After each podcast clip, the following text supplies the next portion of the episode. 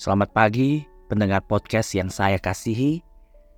Hari ini kita akan mendengarkan sebuah kisah yang menarik dan penuh makna. Lukas 12 ayat 54 sampai dengan 59 Yesus berkata kepada orang banyak, Ketika kalian melihat awan muncul dari arah barat, kalian langsung mengatakan akan ada hujan. Dan memang terjadi hujan.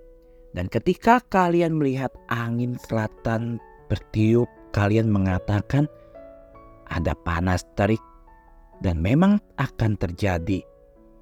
Kalian orang munafik. Kalian tahu bagaimana memahami tanda-tanda di langit dan bumi, tapi mengapa kalian tidak tahu memahami waktu sekarang? Sahabat, dunia ini seperti karya seni yang penciptanya tergambar dengan tanda tangan Sang Pencipta. Kita menerima karunia Tuhan dan sering kali menganggapnya seperti hal yang biasa.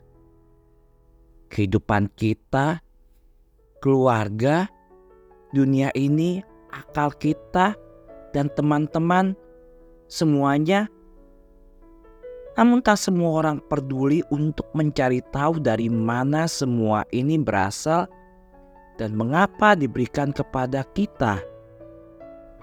Sebuah cerita dalam novel Jules Verne, My Story Iceland.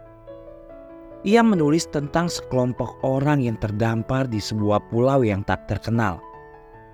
Mereka mengira sendirian.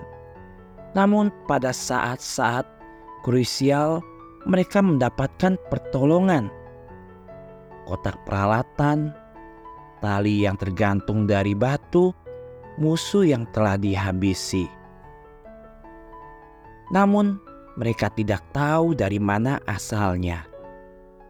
Suatu malam, saat mereka tersesat di lautan setelah penjelajahan, mereka melihat api unggun dari jauh yang menjadi simbol petunjuk bagi mereka. Api ini menyelamatkan hidup mereka. Para pelaut mengira api unggun ini dinyalakan oleh pemimpin mereka yang tetap berada di daratan. Tapi kenyataannya mereka kemudian menemukan bahwa bukan dia yang menyalakannya.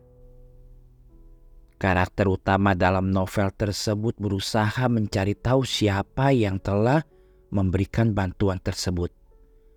Namun beberapa orang lainnya tidak peduli siapa yang memberikan bantuan itu. Mereka hanya memanfaatkan tanpa bertanya-tanya. Sahabat, seperti dalam novel Verne, beberapa orang melihat dunia ini tetapi tidak mau repot-repot bertanya siapa yang menciptakannya.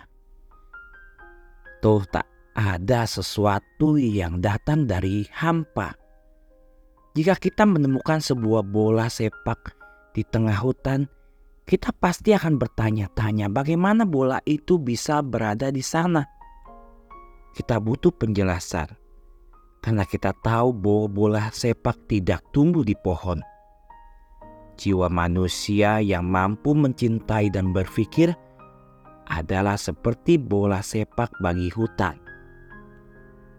Menuju akhir petualangan tersebut, karakter utama berkata, "Yang saya tahu adalah bahwa ada tangan penyayang yang selalu melindungi kami sejak kami tiba di pulau ini, dan kami semua berhutang nyawa kepada sosok yang baik, murah hati, dan sangat berkuasa."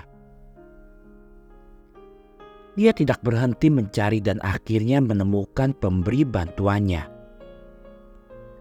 Maria Ibunda Sang Pencipta membantu manusia untuk mendorong setiap orang untuk tidak pernah berhenti mencari alasan di balik segalanya, mencari kebenaran. Bunda Maria, harapan kita dan tata kebijaksanaan, doakanlah kami